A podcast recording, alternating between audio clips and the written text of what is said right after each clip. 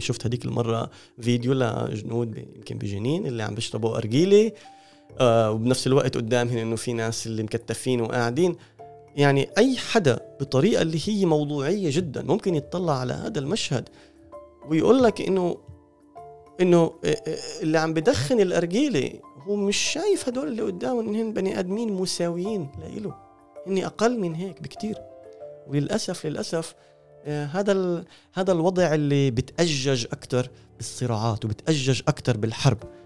لأنه بالحرب بصير في عندك بتخلق هاي المجموعات بتصير أوضح. إحنا وهن. هاي هاي الصراع هاي التوجهات اللي بتنطي خلينا نقول بتغذي إيه، صورة المسخ أو صورة الوحش. وبتصير صورة المسخ والوحش هي الصورة المسيطرة في كل هذا في كل هذا الصراع.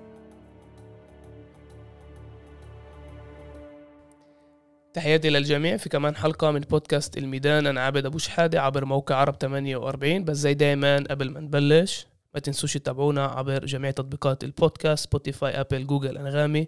بتلاقونا هناك. واليوم معي في التسجيل الصديق إياد معلوف. يعطيك العافية عزيزي. هلا عبد كيفك؟ شو أخبارك؟ تمام بتمام الحمد لله. إياد في بداية الحرب على أوكرانيا وقف مذيع سي إن إن تشارلي داغاتا في البث المباشر.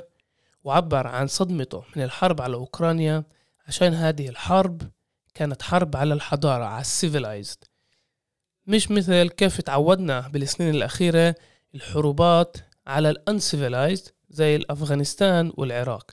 بمعنى إنه الحروبات وقتل الأبرياء ممكن تكون وتصير عند الآخر وهنا الآخر هو العربي والمسلم. في بداية الحرب على غزة وزير الدفاع الإسرائيلي وصف الفلسطينيين كحيوانات بشرية.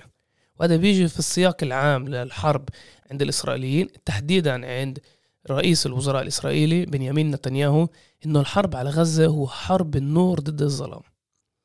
في هذا السياق بدي نطرح مسألة المسوخ مسألة كيف الغرب بمسخن الشرق. إياد هو مرشح للدكتوراه للعلوم الثقافية في جامعة تل أبيب. مجال البحث اللي مركز عليه إياد هو استخدام صورة المسخ في صناعة صورة الآخر في الثقافات كمان الإسلامية وكمان المسيحية من بداية الفترة الصليبية حتى القرن العشرين. إياد شكرا على وقتك. خلينا نبلش في السؤال الأول. كيف صورة المسخ أو مسخنة الآخر تتبلور؟ وإيش هدفها؟ شكرا بالأول على هاي الفرصة إني إني أحكي إيه، خصوصا في هذا الوقت اللي هو حزين حزين حزين جدا. اللي اللي حكيته إيه، صحيح إيه، في جزء كبير من الخطابات اللي بتنتج في الغرب بتصور المسلمين أو العرب بشكل عام في ضمن صورة اللي بتأخذ شكل أو هيئة الوحش أو المسخ هذا الكائن اللي لا ينتمي للحضاره لا ينتمي لا ما في له ثقافه لغته مش زي لغتنا آه، معتقداته مش زي معتقداتنا. هو الآخر اللي أنا بقدر أحط عليه كل المخاوف اللي عندي. من هون بلش يطلع كل مفهوم هذا الوحش أو المسخ. إيه تاريخيا المسوخ هاي كانت دائما تعيش خارج إيه إطار المدينة خارج م. إطار الحضارة. يعني إحنا في النص في قلب الحضارة في قلب المدينة والوحوش أو المسوخ دائما بتكون أو في الغابات أو في المستنقعات أو في رؤوس الجبال بمحلات اللي هي بعيدة بعيدة عنا. إيه بإطار كيف الغرب عمليا بلش يشوف المسلمين بهاي الصورة. فأنت بتقدر ترجع بالتاريخ يعني لا حد من من فترة صعود الإسلام نفسه. إيه اللي اجى على المنطقة اللي كان فيها حكم بيزنطي هنا مسيحي شرقي خلينا نقول. إيه والبيزنطيين اطلعوا على المسلمين إنه في إشي هون غريب. مين هدول؟ هدول اللي كانوا يتعاملوا معنا بطريقة اللي هي بالاقتصاد برحلات بهيك أشياء يعني. بس إنه فجأة هذا الجيش اللي جاي عنا إيه، فصاروا يفكروا فيهن بمصطلحات إلها علاقة في نهاية الزمان. يعني بنهاية الزمان لما تطلع كل أنواع ال- المسوخ والوحوش اللي بتنزل من السماء واللي بتطلع من الأرض دبوها على صورة آه، المسلمين. والإشي كأنه بتقدر تقول إلى حد ما بدأ من من هديك اللحظة. ولما صار في توسع توسعات إسلامية آه، خصوصا في شبه الجزيرة الابيريه في في إسبانيا في في الأندلس. كل هاي الخطابات اللي انكتبت بالقرن السابع مع صعود الإسلام شكلت خلفية ثقافية لمحاربي الغرب اللي قدموا بعدين مع الحملات الصليبية على البلاد عندنا هون. ومن هناك عمليا بلشت هاي تت- تنتقل من الحيز النظري للحيز العملي. يعني صار في عنا كيان صليبي في قلب البلاد اللي واعي وفاهم هو بتصوره إنه هدول المسلمين الأعداء كإنه بالنسبة لإلهن هن الأحفاد تبعون هدول المسوخ اللي انكتب عنهن من قرون آه، سابقة. يعني عمليا ال- المسخ هو الآخر. هو غير عن البشر. و بفهم منك صار له معنى كمان يعني ديني أو بيرتبط بالرواية الدينية يعني في السياق اللي إحنا بنعرفه أو الشائع بين الناس جوج وماجوج بالذات كمان مع ال- يعني مع ظهور الإسلام إجت كمان الفتوحات الإسلامية. صحيح. هلأ الفترة الصليبية لما بتيجي على البلاد أنت في المقال اللي, نش... اللي كتبته في فصحى بتذكر كيف نظرة الآخر إجت تبرر كمان أفعال سياسية وحكم يعني هجمي تحت إطار القانون. ليش هذا كان مهم؟ وليش كان مهم لهم إنه يكون في قانون يحكم التصرفات الغير الإنسانية من طرف الصليبيين؟ تمام. إيه هذا بحاجة شوي هيك لخلفيه صغيرة على على الموضوع. إيه الصليبيين إيه أخذوا ال- آه، القدس في إيه نهاية القرن الحادي عشر. إيه ولما أخذوها كانوا واعيين جدا إن هن بحاجة بين قوسين يحرروا البلد من الماضي الإسلامي تبعها. إيه فعملوا كتير شغلات عشان يحولوا هوية المدينة. واحدة منها قبة الصخرة مثلا تم تحويلها لكنيسة في هداك هداك الوقت. يمكن صعب اليوم نتخيلها. تخيل قبة الصخرة مع عليها هيك صليب عملاق ذهبي هيك من مم. فوق. وبعد بسنة واحدة بس من ما أخذوا المدينة صار في تقليد معين بهداك الوقت تقليد كنسي اللي البطرك تبع القدس كان يقود آه، زي مسيرة تطلع من كنيسة القيامة تروح باتجاه آه، آه، قبة الصخرة. يفتلوا حواليها مع الصلوات تبعوهن ويروحوا للجدار الشمالي تبع مدينة القدس من وين دخلوا هن عليها ومن هناك آه، يعملوا خطابات دينية معادية مش بس للمسلمين كمان لل كمان لليهود. آه، وفهموا عمليا آه، إنه بهاي البلاد أول إشي إنه إحنا كصليبيين هنا إحنا بعاد عن أوطاننا الأم. إحنا بحاجة لقانون ينظم حياتنا.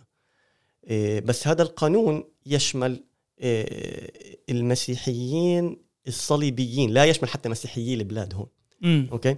إيه بنظم لهم حياتهن بين بين بعض. وكان هذا القانون كان الناس يحتكموا له في إطار ما يشبه المحكمة العليا اليوم. يعني كانت تلاقي هيك تركيبة قضاة قاعدين هيك ورا طاوله مثلا أو أو منصة معينة والناس يحتكمون إيه لإلهن. ال... كانوا يطلعوا على المسلمين كتلويث روحي. هذا اقتباس أنا عم بعمله أوكي مش هو تلويث روحي للجسد المسيحي اللي كان موجود هناك. وهذا التلويث الروحي مش لازم يكون جزء من القانون اللي هو يتبع ل إيه، حضارة يتبع لثقافة هن هن بريد كل كل كل هذا الإشي. بالإضافة الدعوة اللي قام فيها البابا أوربان الثاني بوقتها اللي دعا للحروب الصليبية إيه، كان كتير واضح يعني يعني هو وصف المسلمين إنه هن إيه، عبدة شياطين إن هن هن قذرين إن هن هن وحوش إلى آخره. إيه، وطلب من المحاربين اللي جايين على البلاد إنكم أنتم مطلوب منكم أنكم تقيموا هذا الدنس عن البلاد كلياتها. وبالمقابل آه، بتأخذوا صك غفران بالخطايا غفران الخطايا. يعني م. أنت ممكن تكون مجرم وقتال قتلة قاعد بفرنسا ولا في بلجيكا ولا بعرفش وين إيه وعندك هاي هذا الاقتراح. إنك أنت بتقدر تأخذ احترام الناس من جهة وتضمن الأبدية من جهة تانية وكل مطلوب منك إنك تيجي وتقتل تمارس الإشي اللي أنت عم عم تعمله. إيه القانون الصليبي كان أحيانا يحاسب بعض محاربي الغرب إذا تهجموا على مسلمين لكن بعقوبات اللي هي جدا جدا جدا خفيفة. إياد كل اللي ذكرته هلأ بذكرنا يعني أي حدا بيسمع الحلقة وبيسمع الجمل المحور الأخير بيقدرش يفصله عن الواقع اللي بنعيشه تحديدا من جزء من الخطابات السياسية لجزء من الأحزاب الصهيونية.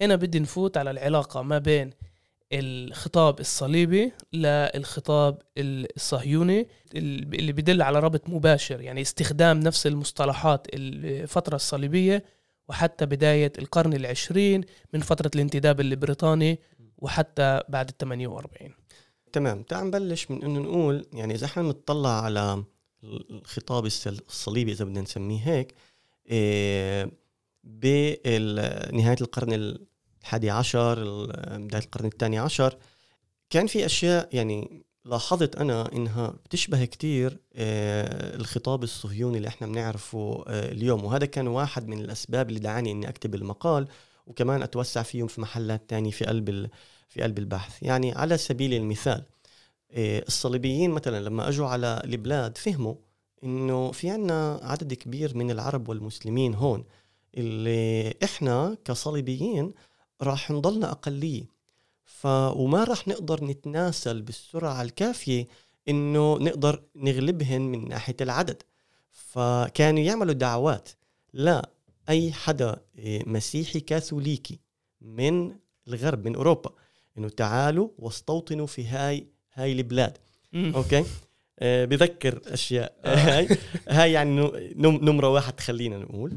إيه إيه نمرة اثنين في عنا إحنا اليوم آه، دلائل تاريخية على إنه الصليبيين شافوا حالهم آه، يمكن تتفاجئ إسا آه، امتداد لمملكة بني إسرائيل التوراتية القديمة. يعني كانوا يستعملوا مثلا إذا في أحد إذا ملك القدس مات مثلا على على شاهد القبر كانوا يكتبوا عليه إنه هذا خليفة الملك داوود.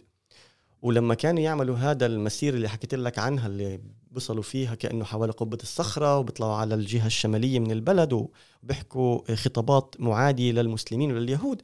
واحدة من الأشياء اللي كانوا يقولوها كانوا يتمسخروا على اليهود ويقولوا إنه بما معناه إنه أنتم مش يهود أنتم مش اليهود الحقيقيين. إحنا اليهود الحقيقيين. إحنا الورثه الحقيقيين لمملكة سليمان ومملكة داود ومملكة بني بني إسرائيل. وإحنا كأنه المجاهدين آه، مثل المكابيين وغيرهم في في في القصص التوراتية أو في القصص الدينية اليهودية. آه، آه، ف إن هن شافوا حالهم امتداد لمملكة قديمة كيف هن بيشوفوها يرتبط برأيي أنا أو بذكرنا بالدعوات الصهيونية اللي أصلا تعتمد على نفس الحجة. إنه بيطلع مثلا واحد زي نتنياهو مثلا أنا متذكر بواحد من البوستات تبعته مثلا مرة قال إنه إحنا إيه، هاي البلاد إلنا على مدار 3000 سنة. تجاهل كل شيء تماما بال 3000 سنة هدول يعني. بس قال إنه هاي البلاد إلنا وشاف حاله إنه إيه، الدولة اليهودية اليوم هي امتداد لمملكة بني إسرائيل وهيك بيخلق الخطاب كلياته وبصير في عندك خط تاريخي بالنسبة له واضح. وجود المسلمين بقلب هذا الخط ووجود العرب في قلب هذا الخط واقعا إن موجودين يشوش على كل هاي الرواية. فهنا أنت بحاجة للمسخ عمليا. تماما. فأنت بحاجة للمسخ أنت بحاجة تقول إنه هدول الناس مش اللي ناس. هن اللي هن مش ناس. اللي هن كانوا بالمفهوم تبعهن. المسلمين أو أو أو العرب هن طارئين على المشهد. هن مش جزء أساسي منه. إيه بذكرنا إذا بنرجع شوي بالتاريخ لورا على على صعود الإسلام مثلا وحدة كمان من ال من ال ردود الفعل اللي كانت عند البيزنطيين إنه على المحل بلشوا في تدوين تاريخ آه، الوجود البيزنطي في في البلاد حتى الوجود اللي هو سابق للمسيحية خلينا نقول سابق للبيزنطيين سابق للمسيحية. وشافوا حالهم البيزنطيين انهم امتداد للثقافة الهلينيه الوثنية اللي كانت قبل. ففي هذا التوجه إنه بدك تدور كأنه بدوروا على شي نقطة بالتاريخ هيك بعيدة عنهن بمدوا هذا الجسر وهيك بنتوا شرعية للوجود تبعهن. إيه، وأي حدا بيجي في النص فهو بخرب عليهن فبالتالي لجأوا لصورة المسخ أو صورة الوحش وقالوا أصلا هن موجودين آه بس مش مش كبشر. إحنا بنقدر نقتلهن وين بدنا إيه، بهذا ال... بهذا المعنى البيزنطيين كانوا يفكروا الصليبيين كانوا يفكروا والإشي امتد لل... للفكر الصهيوني لشرعنة الوجود وشرعنة إلغاء وجود الآخر كمان. تعرف آه، وأنا صغير كانوا يسألونا لأولاد اليهود. إنه هل العرب عندهم دناب فكانوا كانوا يتمسخروا. بس بعدين فهمت إنه عن جد بعد يعني مش من زمان. إنه كانوا يعني يفكروا إنه العربي عنده دناب ومش بالضبط مش بالضبط بني آدم آه، هو يمكن لازم عادي. لازم نوضح الشغلة. هو أحي... يعني كثير أحيان إيه اللي بيستعمل صورة المسخ يمكن هو هو يمكن مش مش واعي بشكل م. مباشر إنه يستعمل صورة المسخ بصير كأنه باللاوعي بصير كأنه إنه خلص منطق هذا هذا الشيء بدون ما يفكر يعني إنه already هيك مدمج فيه جواته إنه هذا الإشي بيصير بهاي الطريقة وهاي الصورة أصلا منطقية. لأنه بداية هي مش صورة جديدة هو استخدام له آلاف السنين ماشي يعني أو على الأقل من 2000 من من صعود الإسلام خلينا نقول لليوم 1400 وإشي سنة. بعدها موجود. فما في داعي تقعد تفكر فيه اليوم وتقعد تبرره لأنه already موجود. بهذا بهذا المعنى. بس بس هذا بيجيبني السؤال يعني هل هل النظرة هاي إجت بسبب تصرف بعض النخب السياسية؟ حتى من الفترة الصليبية لحتى الفترة الاستعمارية بالقرن العشرين؟ ولا الناس هيك بتشوف الآخر كونه آخر؟ هو؟ مش كل آخر وبالضرورة إشي سلبي يعني. م. يعني ال يعني ال المسخ أو الوحش أو ال monster باللغة الإنجليزية. يعني هل هو بحاجة لل narrative لأنه حدا يصنعه كمسخ ال narrative يعني بتقدر تقول إنه آه تقدر تقول إنه في نخبة اللي ساوته بالبداية. يعني هي نخبه كانت نقدر نقول دينية شحطه سياسية عشان الشكل م. أوكي؟ اللي عندها السلطة الدينية وعندها التأثير السياسي المباشر والواضح منهن اوربان الثاني اللي دعا على الحمله الصليبية. من جهة كان عنده السلطة السياسية إنه يرسل جيوش كاملة ومن جهة ثانية كان عنده السلطة الدينية إنه يعمل هذا الربط بين الآخر وبين ال بين ال بين المسخ عمليا.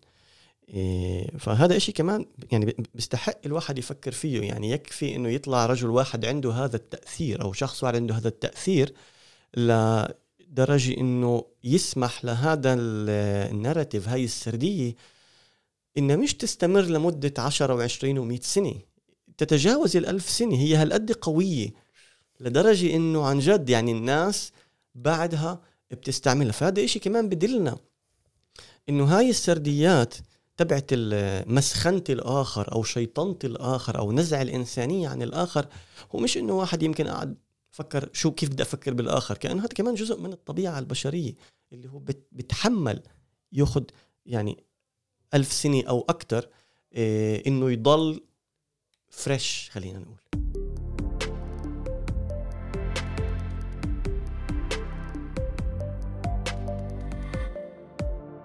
إياد بدي نحكي شوي عن الفترة الاستعمارية بالقرن العشرين. يعني الحالة الفلسطينية هي مش الحالة الاستعمارية الوحيدة تحديدا بين إذا كانت في بلاد العرب أو في أفريقيا.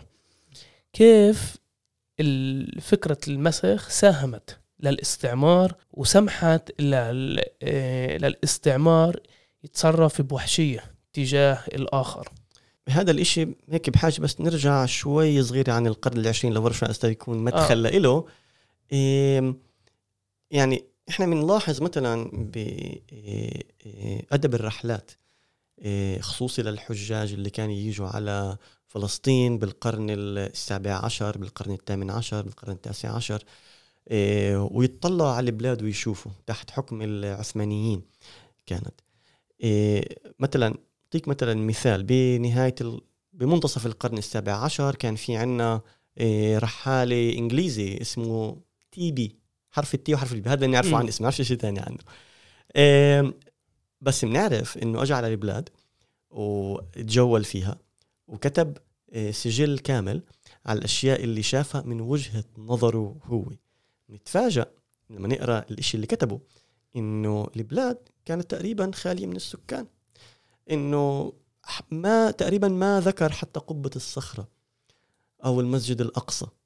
ركز على الأشياء اللي ممكن تلاقيها تذكر ذكرت في التوراة على الأديرة المسيحية.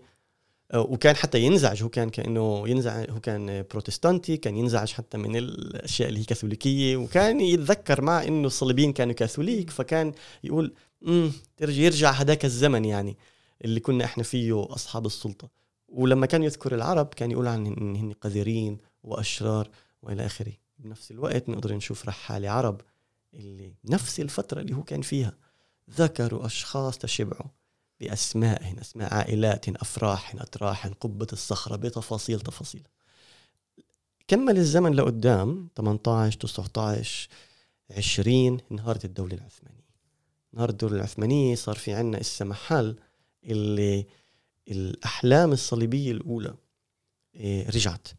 وهذا إشي اللي مش عم بقوله بشكل اللي هو بس عشان أربط الصليبي بال بالصهيوني أو الصليبي بالقرن العشرين إنما ببريطانيا مثلا نفسها اللي كانت منتدبة للبلاد عندنا. هون إيه، بسنة بسنوات بدايات القرن بدايات ال 1920 إيه، وكل سنوات 1920 21 22 نشروا كم هائل من الكتب بتلاقي ببريطانيا كم هائل من الكتب انتشرت تحمل في عناوينها كلياتها إيه، حملة كلمة حملة صليبية الحملة الصليبية الأخيرة هل هذه الحملة الصليبية الأخيرة لدرجة أنه في إحدى المجلات المشهورة في وقتها اسمها مجلة بانش إيه، نشرت زي كاريكاتور اللي بينت فيه ريتشارد قلب الأسد اللي هو كأنه كان العدو تبع صلاح الدين بالفترة الصليبية. ريتشارد لابس الزي العسكري الصليبي واقف على جبل عالي وعم بتطلع تحتيه وشاف مدينة القدس وقال حلمي يتحقق. إيه فلما انهارت الدولة العثمانية بتقدر تدعي هون بناء على هاي المعلومات إنه كان في هيك زي هجوم صليبي تاني إيه أو أخير. بعد الحملات الصليبية اللي كانت وإنه هيانا هيانا إيه رجعنا. إيه لما إيه قبلها بكم سنة بال 1917 بتخيل الإنجليز اخذوا القدس. ألينبي اللي فات على على القدس عمل هيك زي بتقدر تقول آه شو معين. ما قرر ما يفوت على القدس مثل ما فاتوا الصليبيين قبله. الصليبيين لما فاتوا على القدس دبحوا كل الناس اللي جوا. نزل عن الحصان تبعه ومشي باجريه ل... لعند الباب بوابة القدس وقال إنه هي أنا إيه رجعنا. كأنه حتى رجع يمكن هذا آه، روح التواضع بين قوسين المسيحية اللي ادعاها الصليبيين في هذاك الوقت وما نفذوها عن جد. فهو يمكن قال أوكي بنصحح الأخطاء اللي هناك وبنعمل إشي اللي يضل على فترة طويلة. لأنه لما الصليبيين أخذوا القدس هاي كأنه كانت الإشي ودبحوا كل اللي جوا. حتى بمعايير القرون الوسطى هذا كان إشي اللي هو جدا جدا وحشي لدرجة اللي المسلمين في هذاك الوقت شافوا إنه لازم نعمل إشي على مع هذا الموضوع. بتخيل ألين كان كان حذر لأنه كمان كان في عنده تحالفات آه، بهذاك الوقت مع ناس اللي هن عرب أو ناس هن مسلمين. أستاذ برجعني كمان دور للسؤال. يعني بقدر أفهم في صراعات بين إذا كانت دينية أو بين إذا كانت على مناطق جغرافية آه، بين الشعوب. بس ليش صورة الوحش لها أهمية في تبرير هاي ال- المجزرة أو تبرير. ها هذا ال- الاحتلال؟ لأنه إيه، واحدة من صفات ال- المسخ إنه هو إيه، عادة بكون دمج بين أكثر من عالم واحد أكثر أكثر من شغلتين. هذا الإشي يعني يتحدى إيه، الفئات اللي خلقها المجتمع على مدار سنين. يعني لما يكون في عنده فئات بيعرف يتعامل معها بينما لما هقول لك إنه هذا الكائن لا هو إنسان بقدرش أتعامل معه كإنسان ولا هو حيوان بقدرش أتعامل معه كحيوان فلازم تنخلق فئة جديدة اللي أعرف أتعامل أنا إيه، معها هاي الفئة مع إنها انخلقت بتعمل لي قلق معين. ما بعرف عن جد أتعامل معها بشكل إن هي فئة لحالها مس- مس- مستقلة. إيه فبضطر عمليا أتعامل معها بطريقتين. أو بحاول أفهمها من خلال ترويضها. بقول ليش أنا بستعمل كلمة ترويض هون. أو من خلال ترويضها وأجيبها لعندي. وهيك أنا بسيطر عليها أو من خلال القضاء عليها تماما بهذا الشكل أنا كل الفئات التانية اللي خلقتها خلال سنوات طويلة بتقعد محلها وما في إشي اللي هو يقض مضجعي مم. مش عم بعرف أتعامل معه فهذا بنطيني هيك شعور إذا أنا حدا اللي عم بخلق صورة مسخ هذا بيعطيني شعور إنه خلقته لهذا الإشي بس إيه مش عم بقدر إيه أشكل حالي من السلام معه. وعم. عم بضايقني كل الوقت. وهذا وهذا الإشي اللي عم بضايقني عم بكلني من جوا. بس لازم أعمل إشي معه. ب- برأيك هذا الفرق بين المسخ والوحش؟ إيه، هو لغة الوحش يعني خلينا نقول هو تاريخيا إذا بت... شو تاريخيا؟ إذا بفتح أنا القاموس اليوم العربي بس شوف كلمة وحش مش راح يطلع لي الوحش آه، اللي بنفكر فيه زي آه، تبع زي دراكولا مثلا. مش مش مش هذا الوحش. الوحش هو حيوان البر. يعني بعرف الحمار آه، الوحش حمار. الوحش حيوان هو بالضبط. هو حمار البر عمل الحمار البرية. إيه المسخ بأخذ أكتر صورة اللي هي مش بس تحويل صورة إيه جميلة لصورة قبيحة أو صورة اللي هي بتعمل لي هيك مشكلة. المسخ فيه يتجلى فيه كمان إيه مفهوم العقوبة الإلهية. إنه الله بذاته غضب على هذا هذا الكائن وحوله مم. من صورة جميلة لصورة قبيحة على أساس الناس تشوف وتتعلم. وهذا بنطي شرعية كمان لأنه آه، الناس اللي شايفته وتقول إنه أوكي هذا اللي الله مسخه إذا هو عدو ل- لله نفسه. فبالتالي أنا بشوف حالي كمنفذ لمشيئة الله. هذا كمان الصليبيين كانوا هيك يشوفوها.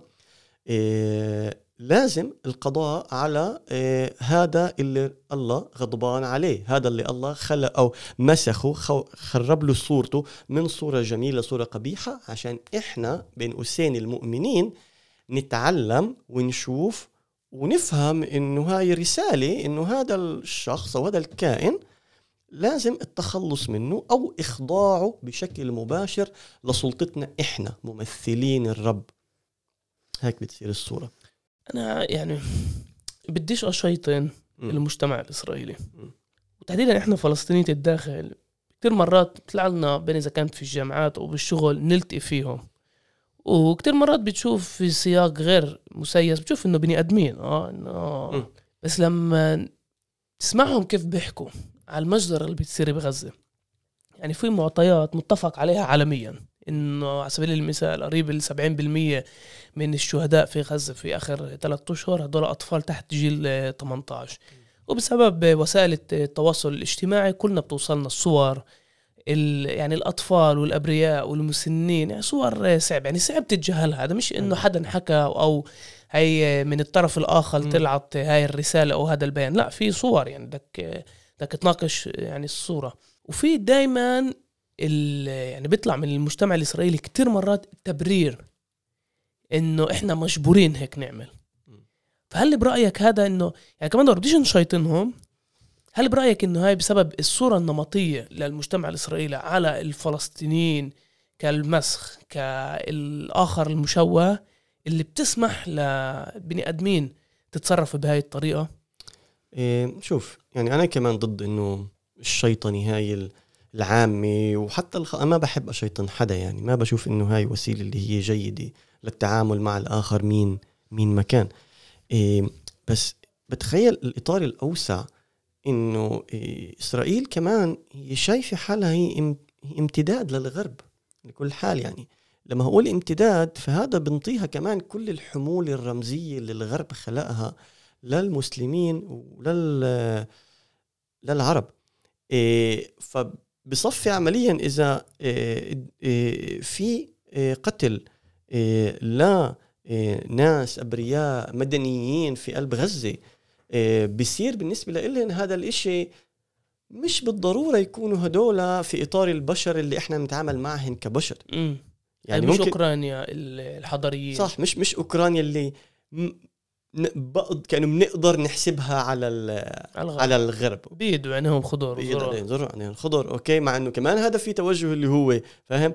إيه لكن باللحظة اللي أنت تبنيت أو قلت عن حالك أنت امتداد للغرب فأنت رح رح تتبنى كثير من الأفكار اللي الغرب خلقها قبل قيام دولة إسرائيل وقبل تشكل الهوية الشعب الإسرائيلي أو حتى الفكرة الصهيونية المعاصرة خلينا خلينا إيه، نقول. فمثل ما كانوا من زمان الغرب يتطلع على كائنات شرقية إنها هي كائنات إيه، غريبة وكائنات اللي بتقدر أو تسيطر عليها أو تقتلها. أنا برأيي أنا شايف إنه إسرائيل حملت يعني أخذت هذا الحمول الرمزية بشكل واعي أو أو أو غير واعي ما بعرف. وصارت تشوف الفلسطينيه من هذا من هذا المنظار. وهذا اللي بنطي عمليا بين قوسين آه، شرعية لل للقتل وحتى الإذلال يعني مش بس مش بس القتل يعني أنت كأنك تشوف ناس بحالة مذلة جدا آه، والطرف الآخر ممكن يكون آه، مبتهج حتى بهذا الطرف الآخر هو كمان الشخص اللي هو عم بيعمل هذا الفعل بشكل مباشر يعني إنه قاعد ولف إجر على إجر يعني. شفت هذيك المرة فيديو لجنود يمكن بجنين اللي عم بيشربوا أرجيلة آه وبنفس الوقت قدامهم إنه في ناس اللي مكتفين وقاعدين. يعني أي حدا بطريقة اللي هي موضوعية جدا ممكن يتطلع على هذا المشهد ويقول لك إنه إنه آه، آه، اللي عم بدخن الأرجيلة هو مش شايف هدول اللي قدامه انهم بني آدمين مساويين لإله هن أقل من هيك بكتير. وللأسف للأسف آه، هذا هذا الوضع اللي بتأجج أكثر بالصراعات وبتأجج أكثر بالحرب. لأنه بالحرب بصير في عندك بتخلق هاي المجموعات بتصير أوضح. إحنا وهن هاي هاي الصراع هاي التوجهات اللي بتنطي خلينا نقول بتغذي صورة المسخ أو صورة الوحش وبتصير صورة المسخ والوحش هي الصورة المسيطرة في كل هذا في كل هذا الصراع. إياد أنا ما كنتش مخطط نحكي عن الفيديو اللي طلع من جنين لجنود الاحتلال اللي لما بيكونوا قاعدين في بيت بنص جنين بأرجلوا ويبالهم في عشرات من الفلسطينيين اللي مربطين. في شغلة ألفتت انتباهي وبرأيي جدا مهمة إنه كان في جندي عربي. وإذا أنا مش غلطان اسمه جميل. وبيطقس معهم وباكل تشيبس وبأرجل خلال مذلة الفلسطينيين.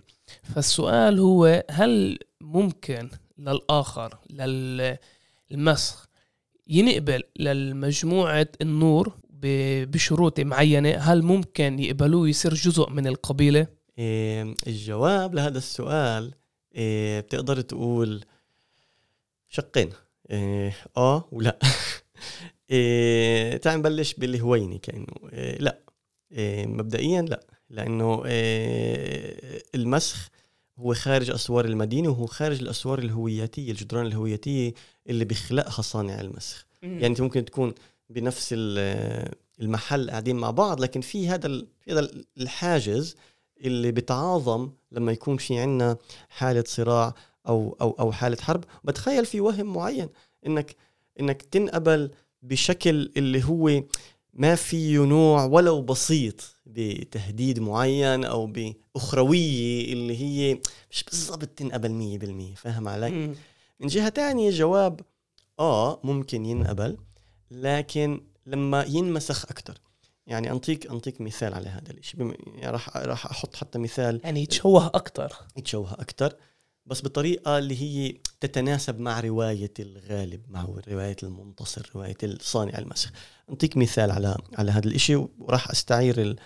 الصورة تبعت الحيوان البشري إيه، اللي حكاها يوقف جالنت وغيره. إيه، واحدة من الصور اللي كانت مرتبطة بالمسلمين وباليهود كمان في القرون الوسطى وصورة المسخ اللي اللي هو حيوان بشري. راسه راس كلب وجسمه جسم إنسان. وهاي الصورة انخلقت عشان تبين إنه هدول الآخرين اللي مش مسيحيين بيض أوروبيين كاثوليك في هذاك الوقت هدول الكائنات بتحكي لغة غير اللغة اللي إحنا بنحكيها اللي هو النباح كأنه.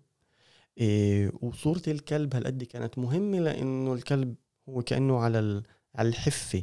بين الإشي اللي هو إيه متوحش اللي ممكن يعضك وإشي اللي هو أنت ممكن إيه تروضه وتسيطر عليه. عشان قلت قبل شوي كلمة ترويض بجواب سابق.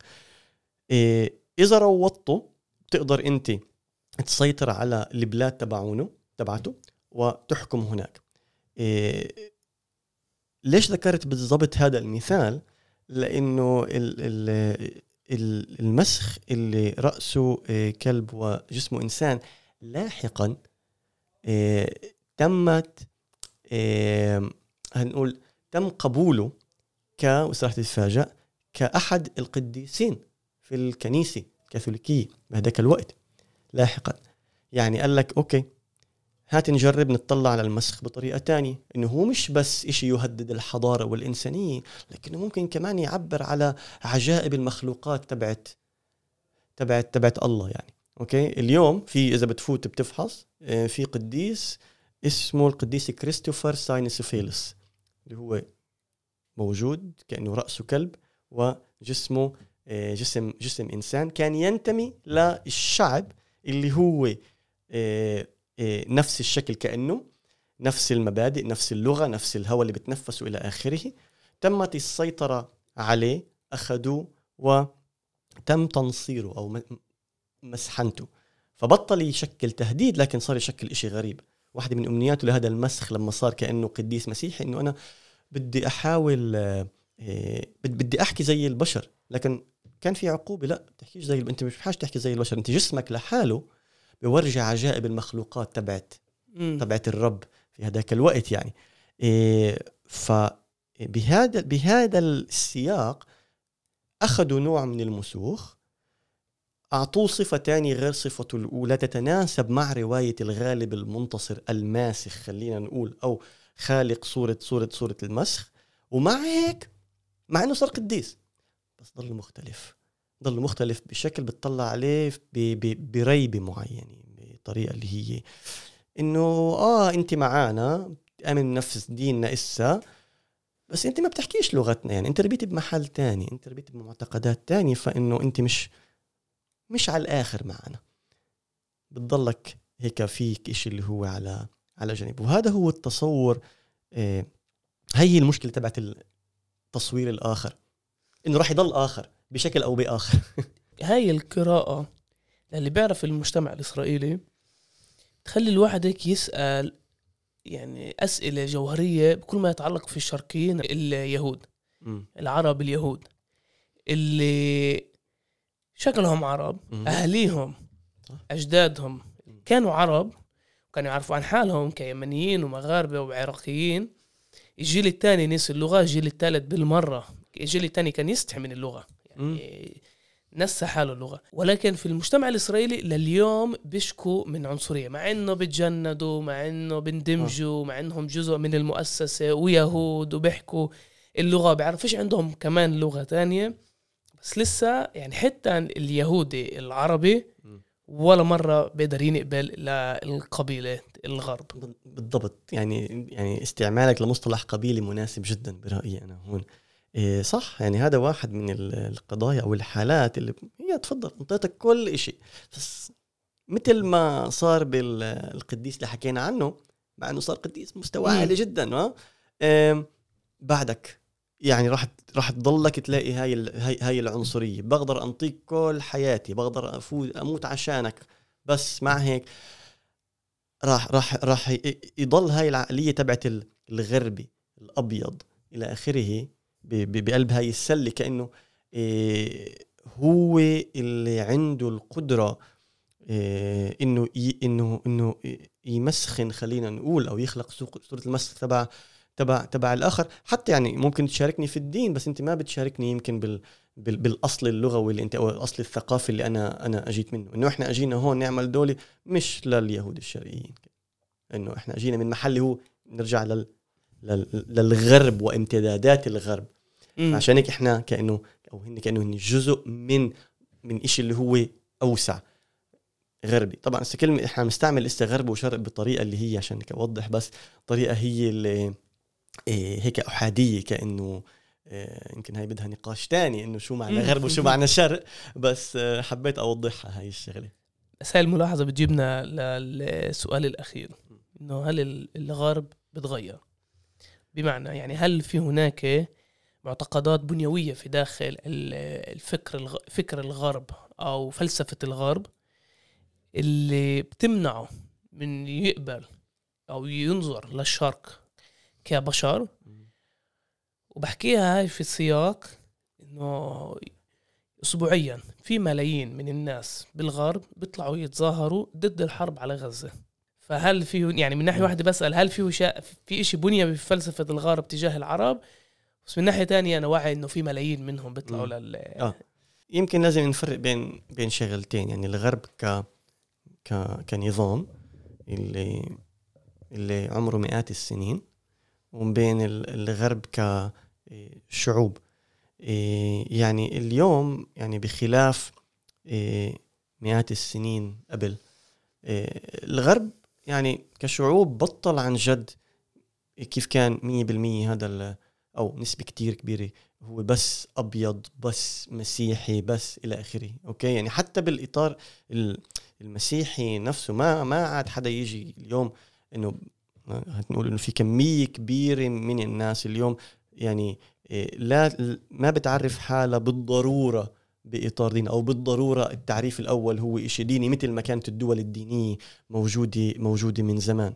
بالإضافة ل كتير ناس اللي هن مش من أصل غربي اللي اليوم هن اندمجوا بالغرب وصاروا وصاروا صاروا فيه.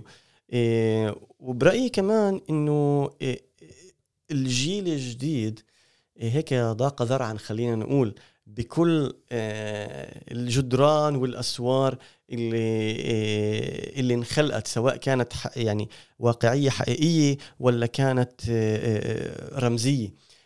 يعني اليوم مثلا في أمريكا بتلاقي يعني في في عندك كتير جدران بعدها موجودة عم بيحاولوا يهدموها مثل جدران العنصرية إيه، اليوم يمكن أكثر بيحكوا على الحروب بنسموها حروب الجندر.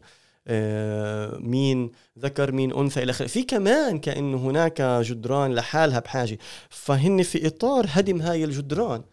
كأنه إيه، الخطاب هذا ما ما بيقدر يصير بدون ما تتطرق للكل أو الجدران العامة الأخرى. مم. خصوصا خصوصا إنه إحنا بنحكي عن حالة بفلسطين اللي الجدار ليس رمزي فقط يعني. موجود. موجود. موجود يعني. فأنت ما بتقدر تتوقع الناس بالغرب اللي عم بيآمنوا بهدم كل الجدران وبيآ- وبيحاولوا يآمنوا بأنه قديش ممكن يكون في مساواة. بحكي على الشعوب كمان مرة. إيه، ما بتقدر تتوقع منهن انهن يقبلوا بوجود الجدار الرمزي في البلاد. ما بالك الجدار اللي هو عن جد حقيقي وواقعي.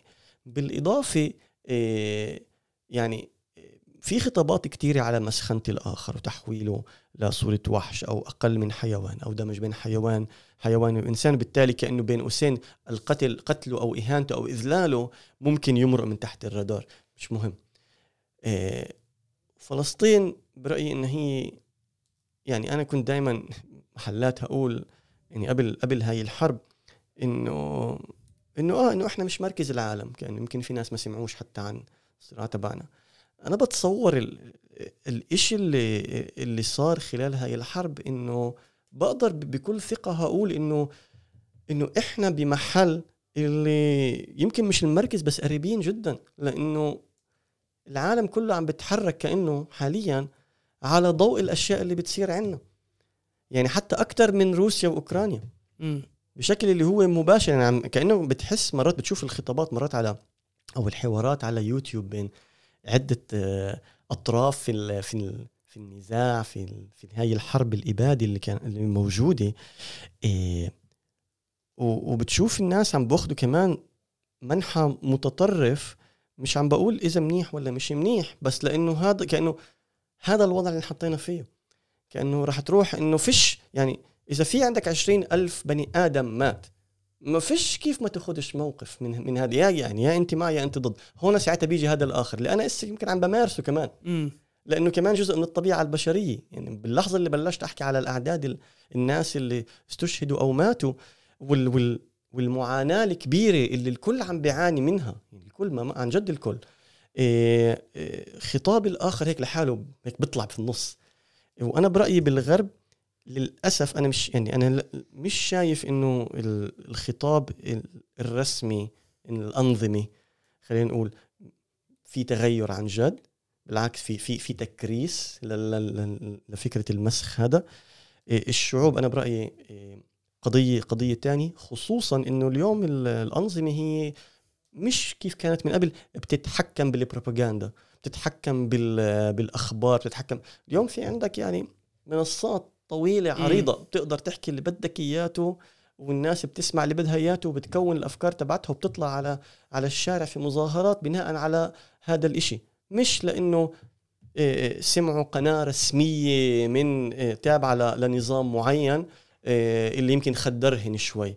لا كأنه فتحت عيونهن وشافوا إنه هاي الجدران اللي إحنا عم نحاول نهدمها ونقيمها بعد في جدار بعده واقف كأنه جدار من القرون الوسطى. بعده واقف عم عم بفصل المسوخ برا المدينة برا الحضارة. ولما الحضارة تهجم على هدول المسوخ فهو بالضرورة راح يكون حرب بين النور وبين الظلام. هو بالضبط هذا الخطاب تبع اوربان الثاني. أنتوا جنود النور رايحين تقاتلوا كائنات ظلامية فمن حقكم انكم تقتلوهن. واو. إياد يعطيك مئة ألف عافية. الله يعافيك. أنا سألت آخر سؤال عشان برأيي الرد للمسخ أو التعامل معنا ككائنات غير آه، بشرية. نقول إحنا بشر بس كمان أنتوا بشر. نعم. وما نعم- ما نتبناش خطاب الكراهية ومسخ ال- الآخر. عشان بالآخر يعني بنسأل نسأل حالنا سؤال يعني ليش لأي مستقبل بدنا نوصل؟ صحيح. يعني أنا بوافقك جدا. يعني إحنا مش لازم نتبنى خطاب بيقول إنه هذا الآخر هو مسخ أو هذا الآخر هو مونستر أو وحش إلى آخره.